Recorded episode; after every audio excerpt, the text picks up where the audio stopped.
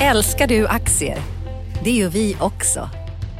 Sea Worldwide Asset Management är en av Nordens största oberoende aktiva aktieförvaltare och har samlad kunskap sedan 1986. Ta del av vår kunskap på seaworldwide.se. Bokstaven C, worldwide.se.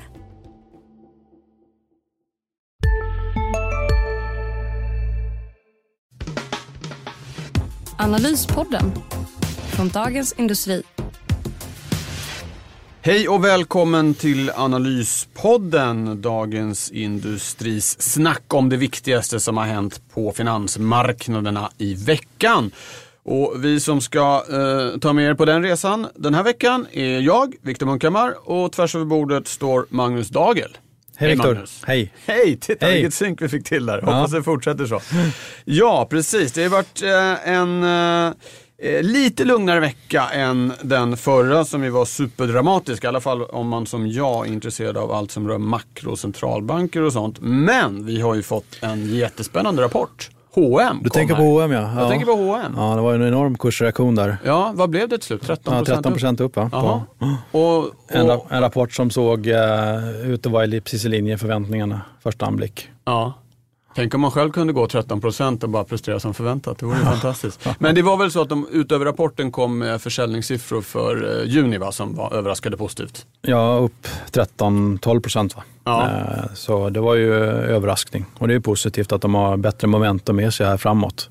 Eh, Så, det är ju, så jag tror att många säkert som har blankat den här aktien täckte sina positioner då. Ja, Och Okej, så det blev lite tillbaka. extra turbo i studs, Ja. där. Ja. Det har ju varit en likvid aktie och kunnat blanka om man varit negativ inställd till detaljhandel. Då. Ja. Men går det att säga någonting ifall, jag menar H&M har ju haft problem under många, många år, hela den här omställningen från, från fysisk handel, som vi ska prata mer om alldeles strax för övrigt, eh, till, till, till näthandel. Hur, de, liksom, hur långt har de kommit i den resan nu? Ja, men de har väl kommit en bra bit på väg tyckte jag. Eh, e-handeln växer bra för dem nu. 20 procent tyckte jag läste. Eh, men jag tror de, eh, de kan nog bli en, någon slags vinnare på sikt tror jag. Jag tror ändå att de som kan komma ut bra, det är de som äger sina varumärken, kan kombinera e-handel med fysiska butiker.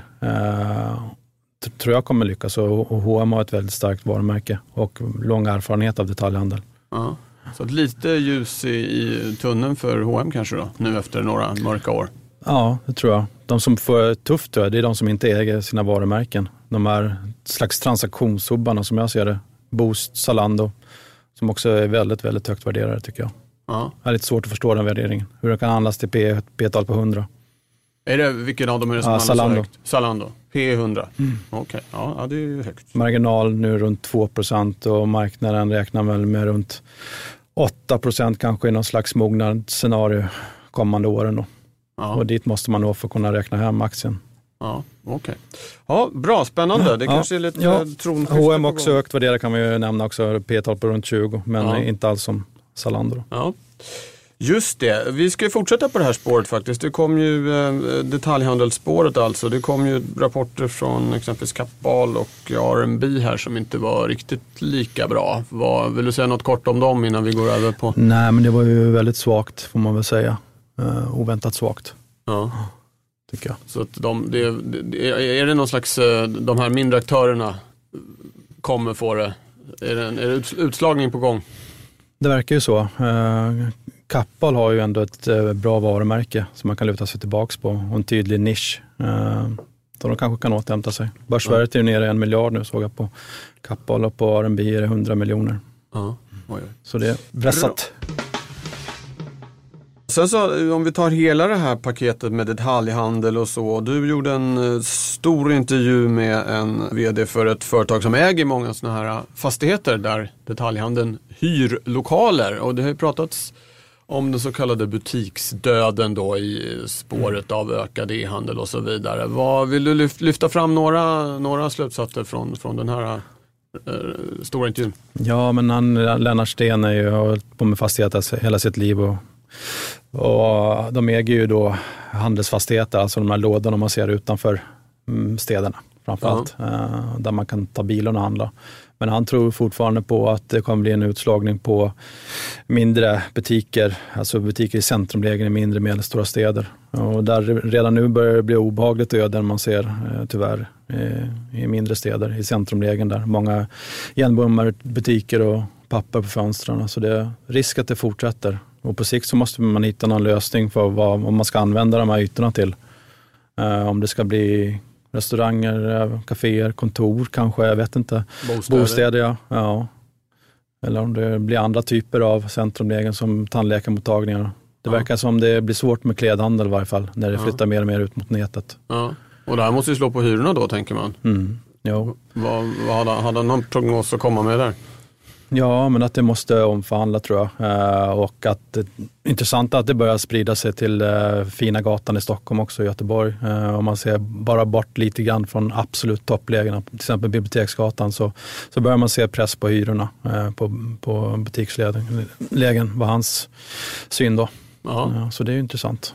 Ja, också intressant i det perspektivet att ju fastighetsbolagen, jag menar nu finns det olika sorters fastighetsbolag ska man säga, men, men eh, som grupp har de ju ändå gått fantastiskt bra eh, länge. Men nu kan man börja ana lite, lite intäktspress då kanske? Nej, jag ska inte se det, för där de börsnoterade bolagen äger väldigt lite detaljhandelsfastigheter. Ja. Uh, förutom Atrium Ljungberg då, huvudstaden. Men Atrium äger ju mest gallerier, huvudstaden, topplägen, absoluta topplägena. Och där har man inte riktigt sett det ännu. Uh, men de, sen får man inte förglömma att uh, de här kåkarna man ser i storstäderna, det är ju trots allt sex, sju våningar höga med, med ofta kontor. Då. Och där har hyrorna gått upp. Just det, det väger upp mer än kanske vad det eventuellt minskar i gatuplanet då? Mycket, mycket mer. Ja. Så det, det, värdena har gått upp på de här fastigheterna. Risken är väl på mindre fastigheter i mindre orter i centrumlägen. Där finns det ju en risk för eh, pressade fastighetsvärden. Ja. Okej, okay. och sen har ju fastighetsbolagen, precis som de haft under många år, men fått ytterligare liksom vind i ryggen här nu av mm. den här eh, ränteraset vi har sett under våren där ju faktiskt den svenska tioårsräntan gick under nollan i mm. förra veckan för första gången, vilket även exempelvis den franska motsvarigheten gjorde. Vi har sett den tyska nere på, vad var det, minus 0,36 eller något liknande. Vad beror nedgången på?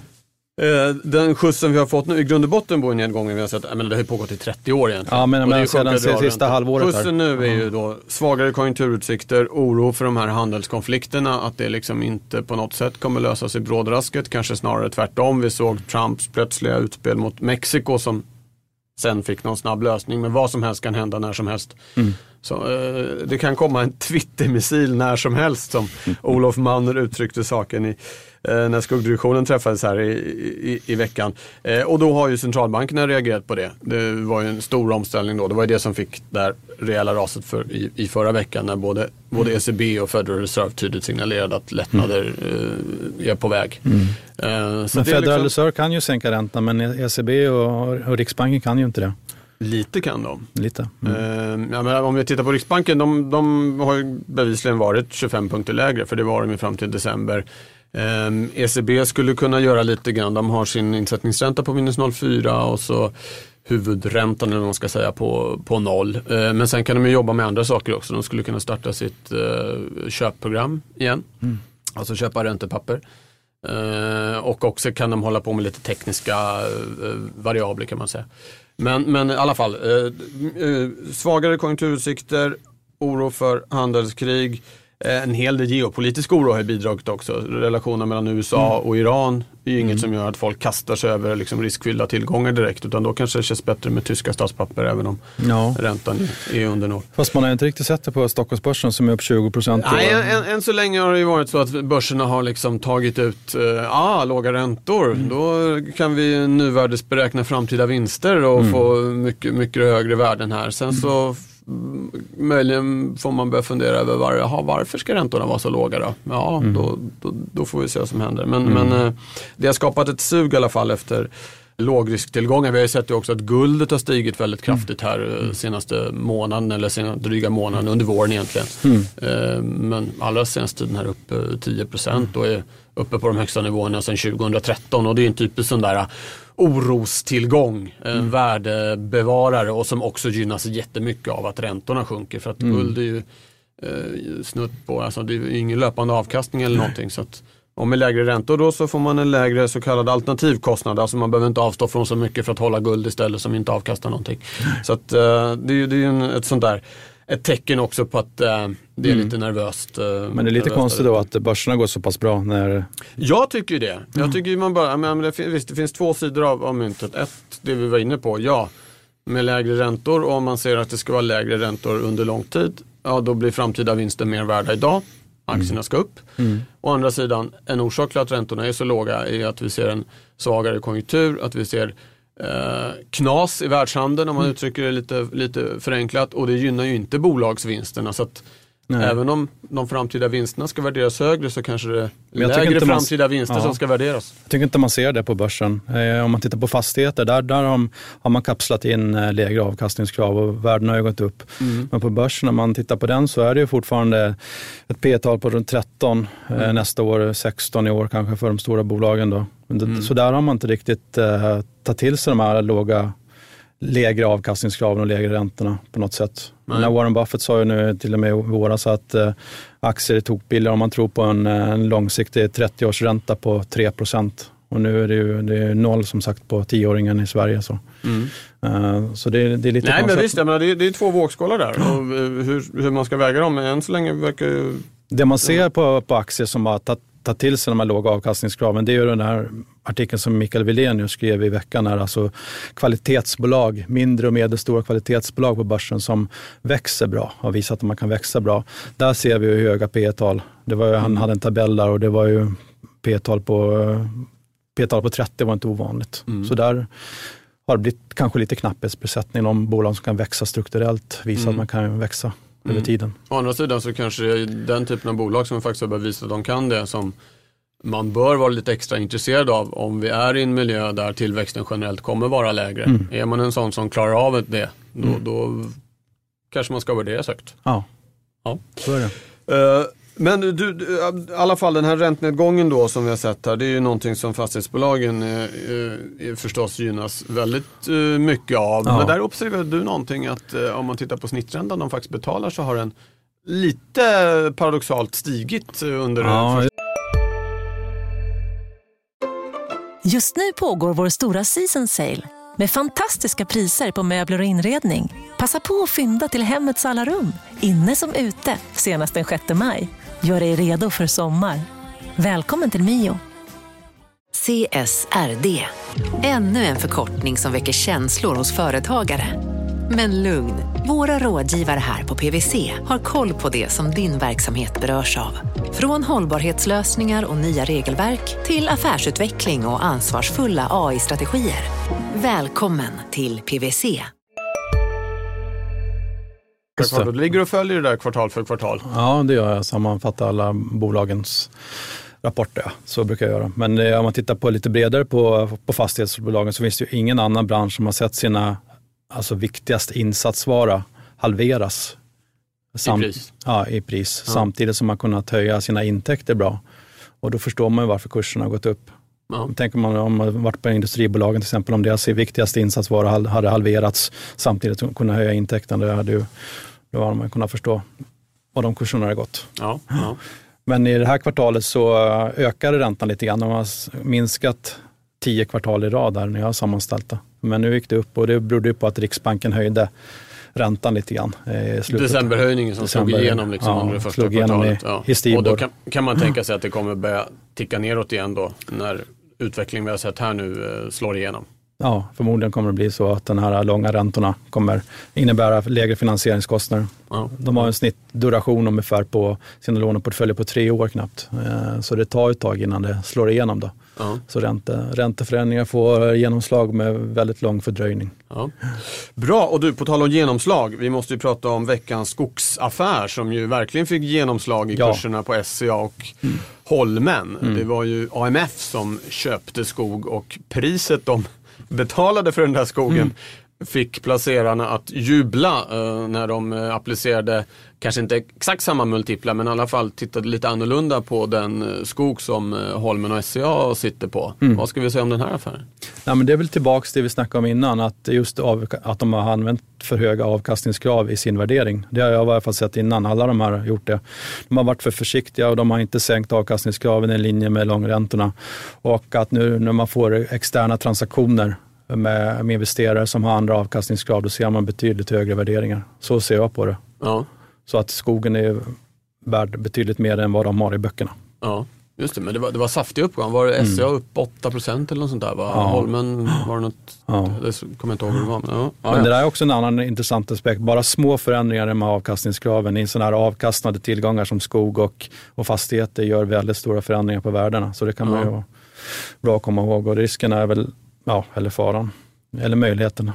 Det är ju att, eh, att fastighetsvärdena fortsätter upp nu när, när långräntorna har fallit så mycket som de har gjort. Ja.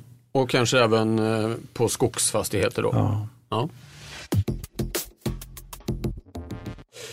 Ska vi prata lite makro då kanske som ju är min Ja, det är väl makrovecka nästa vecka. va? grej. Ja precis, det har ju varit en lite lugnare vecka. Ett, ett par saker tycker jag ändå vi kan ta upp från, från eh, vecka som, som varit. Det är ju fredag när vi, när vi står här som de flesta lyssnarna vet och vi fick här på, på förmiddagen en riktigt svag detaljhandelssiffra för Sverige. Kopplat kanske till dina fastighetsbolag där, delar av dem i alla fall. Den här Lennart, Lennart Stens eh, företag. Eh, I maj så minskade omsättningen i detaljhandeln med en halv procent i årstakt. Och det var nog den svagaste årssiffran på, ja, ja, kan ha varit ända sedan 2010. Oj då.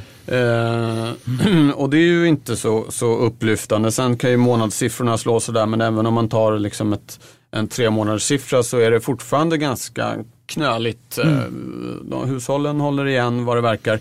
Eh, och ett skäl till det kan möjligen vara att lönerna inte ökar så mycket. Det fick vi också ny statistik på här. 2,5 procent i årstakt var det i april, visar statistik från Medlingsinstitutet. Och det är ungefär där det har legat i flera år nu, 2,5 procent. Och nu har vi faktiskt en inflation som ändå ligger kring 2 procent. Så det blir bara en halv procent eh, reallöneökning då. Eh, för, för eh, löntagarna. Så att även om det är full fart på arbetsmarknaden, eller något lägre fart nu, men väldigt eh, hög sysselsättning och så vidare, så, så är det inget riktigt tryck på, på lönerna. Båda de här siffrorna ihop fick faktiskt eh, kronan att tappa lite, för det här är sånt som Riksbanken inte blir jätteglad över. Nej. de vill ju framförallt ha upp löneökningstakten för att kunna få en uthålligt högre, högre inflation. Så det är det som har hänt eh, den här veckan. Men som du var inne på, och ska vi skifta över och blicka framåt till, till nästa vecka? För då händer det, händer det mer grejer på makrofronten. Ja, vad är det PMI det, då? ja, eller? först är det, är det inköpschefsindex då från i princip hela världen som eh, kommer på, eh, på måndag. Ja, och det har varit svagt i Europa, eller hur? Det har varit svagt i Europa. Vi har fått en preliminär siffra från, från EMU eh, redan som visade att eh, det inte fortsätter att försvagas men det ligger på ganska skrala, skrala nivåer i alla fall. Eh, det gör det och sen så har vi en, en, en tendens eh, det som framförallt har sjunkit är ju eh, in- inköpschefsindex för tillverkningsindustrin medan eh, tjänstesidan har hållit emot bättre. Det har varit liksom ett globalt fenomen. Men de senaste månaderna så har man börjat se tendenser till att även tjänsteindexen har börjat eh, eh, tappa lite grann. Och, och, och, och det blir väl spännande att se här nu i veckan ifall, ifall, eh, ifall det fortsätter. Eh, för det är ju i så fall ett tecken på en lite bredare avmattning i, i ekonomierna. Då ska vi säga att när det gäller inköpschefsindexen så kommer in- industrin på måndag och eh, tjänstedelen kommer på, på onsdag. På onsdag har vi också ett nytt räntebesked från Riksbanken faktiskt. Vad intressant. Vad Som tror du blir intressant. Ja, där är det stora frågetecknet ifall de ska göra ytterligare en sänkning av räntebanan, alltså Mm. prognosen för, för den framtida eh, reporäntan. De sänkte den ganska ordentligt Mm. förra gången. Då flyttade de den här höjningen de har tänkt sig att göra i år från hösten till någon gång kring årsskiftet, i praktiken decembermötet eller februarimötet, februari 2020 då. Har den här nedgången i långräntorna påverkat dem tror du? Eh, orsaken till nedgången i långräntorna påverkar dem ju. Eh, nämligen att den globala konjunkturen ser svagare ut, att handelskonflikterna mm, i alla fall inte ser bättre ut Eh, och framförallt hur det har påverkat de stora bjässarna där ute. ECB och Federal Reserve. Som ju nu har gått från ett vänta och se-läge till ett vi kommer antagligen sänka läge. Då är det, kan det vara jobbigt för, för Riksbanken att gå, gå åt andra hållet. Men, å andra sidan, vi ser att Norges bank, de har höjt här när i, i den här miljön. Nu är ju Norge en lite annorlunda ekonomi än den svenska. Ja, just det, men ändå, just det går uppenbarligen. Men om man tittar på Fed då, vad, vad är orsaken att de kommer sänka räntan? Eh, det är lite svårt att förstå det som lekman. Eh, Med, med arbetslösheten med lägsta Ja. nivån på 50 år och en ekonomi som växer med 3% och så vidare. Och bolagsvinsterna på rekordnivåer. Ja, eh, jag tror att det, det, det är några skäl. Ett är då allmänt att även den amerikanska ekonomin som vi faktiskt har tuffat på bäst av de stora under lång tid har varit lite mer blandad statistik där eh, på sistone. Det börjar, det börjar mattas eh, lite grann. Eh, nummer två är de här handelskonflikterna som vi har pratat om. Att eh, många hade ju trott att det skulle bli någonting mellan USA och Kina här under våren. Nu ska vi säga att när vi står här och pratar så ska ju precis ett G20-möte i Osaka dra igång där många tror att det kanske kan bli någonting. Men det är knappast det som kommer lösa den stora handelskonflikten mellan USA och Kina. Det kommer bli att man skjuter på någonting eller något. Annars är det väl det här, så här, tekniköverföring. Det handlar inte bara om vad tullarna ska vara på ett par skor utan det är större frågor och det, det är nog en konflikt som kommer att pågå ett, ett, ett eh, bra tag.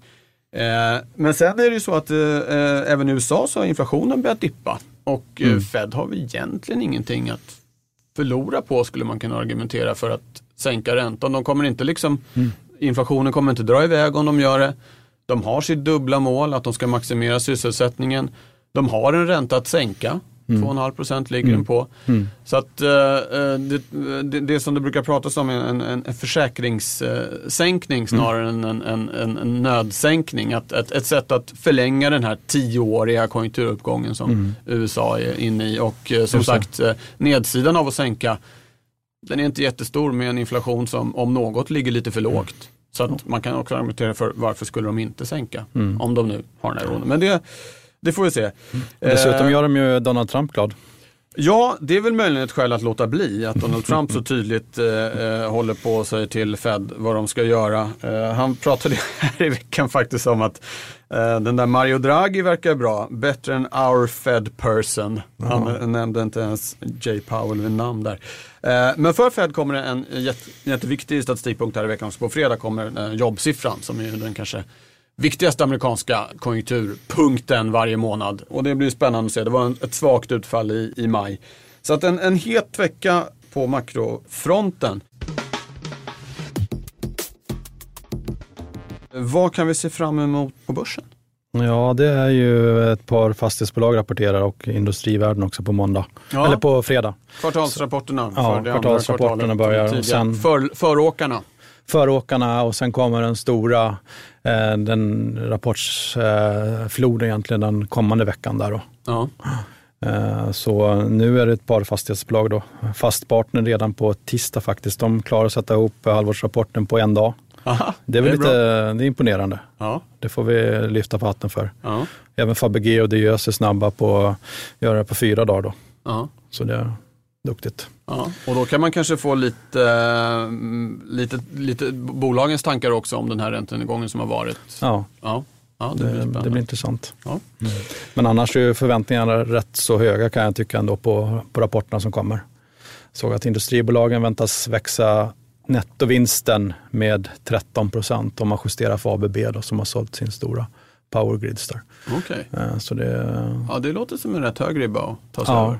Eh, Nu flaggar de flesta för att det var bra efterfrågan och eh, att eh, och man har ju haft valutavind med sig fortsatt då. Mm. Så kronan har ju fortsatt att försvagas jämfört med första kvartalet då. Så Mm. man har ju fortsatt ännu bättre valuta med, med vind då. Mm. Just det, det kan vi väl möjligen ta upp att, att kronan faktiskt lite i smyg senaste tiden, även om den försvagas något idag, då faktiskt har stärkts lite grann. Den är tillbaka ungefär där den var i april eh, någonstans 10,55 mot euron eh, innan vi gick in här. Det var ju uppåt eh, 10,80 ett tag där när det var som allra, allra körigast. Och det kan väl vara välkommet eh, med en lite starkare krona kanske. Eh, bra, ska vi sätta punkt? Det gör vi. Ja, Och vi ska tipsa om våra övriga poddar också. Digitalpodden. Ja, han, eh, Makropodden Makrorådet har sommarlov faktiskt. Eh, Vi är tillbaka i slutet av augusti. Så, eh, Så bra, kollade jag på den. Ja, just det. Eh, nej men så har vi ju de eh, Morgonkollen, en podd och även Ekonomistudion Mm. gör ju en podd. Så det finns mycket att lyssna på om man vill göra det. Om man inte bara vill lyssna på sommar. Om man nu har semester. Mm. Då får vi tacka dig som har lyssnat. Önska en trevlig helg. För vissa kanske en skön semester till och med. Det är väl inte helt ovanligt att det här var den sista jobbveckan för, för en del. Men Analyspodden är tillbaka nästa fredag i vanlig ordning. Eller hur Magnus? Ja, Nu sätter vi punkt. ja det gör vi. Hej med er. Hej då. Analyspodden från Dagens Industri. Programmet redigerades av Umami Produktion. Ansvarig utgivare Peter Fellman.